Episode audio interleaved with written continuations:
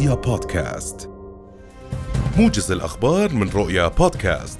أكد قيادي عربي أن الرئيس السوري بشار الأسد سيشارك في القمة العربية المقررة في جدة الجمعة القادمة وسيجلس إلى جوار القادة العرب لأول مرة منذ عام 2011 وتلقى الأسد دعوة رسمية للمشاركة في القمة من ملك المملكة العربية السعودية سلمان بن عبد العزيز الأسبوع الماضي.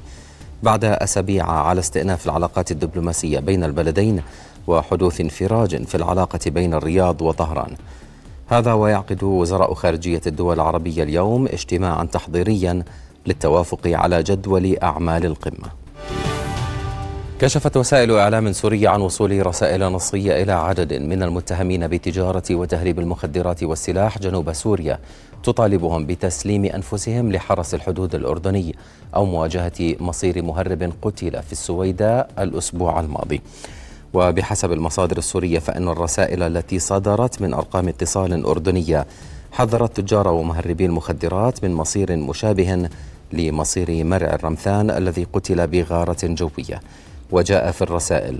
الرمثان كان الأول وليس الأخير. وكان الأردن قد حذر من تداعيات تهريب المخدرات على أمن المملكة وأحبط آلاف محاولات التهريب من الأراضي السورية.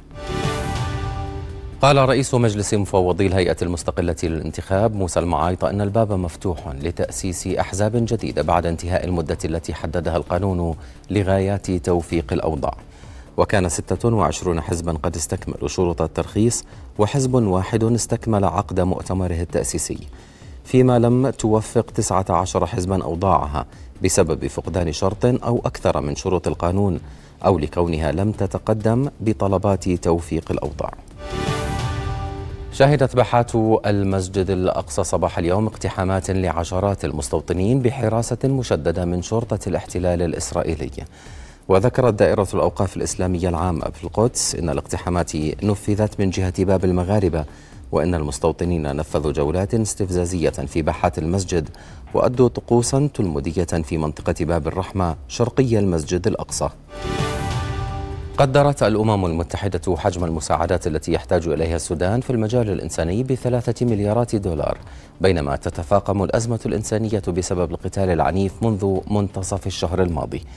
وفي مراجعة لخطتها من أجل السودان قالت الأمم المتحدة إنها تحتاج أيضا إلى 470 مليون دولار إضافية للاجئين الذين فروا من البلاد. أعلن مؤسس مجموعة فاغنر الروسية أن قواته في طريقها لإحكام السيطرة على مدينة باخموت الإستراتيجية حيث تسيطر روسيا على نحو 95% منها. وتعد المعركة في باخموت الأطول والأكثر دموية منذ بداية الحرب الروسية الأوكرانية.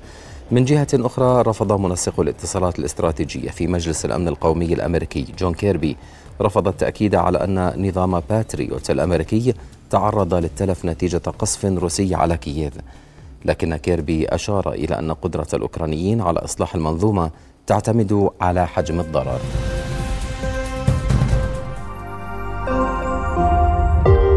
رؤيا بودكاست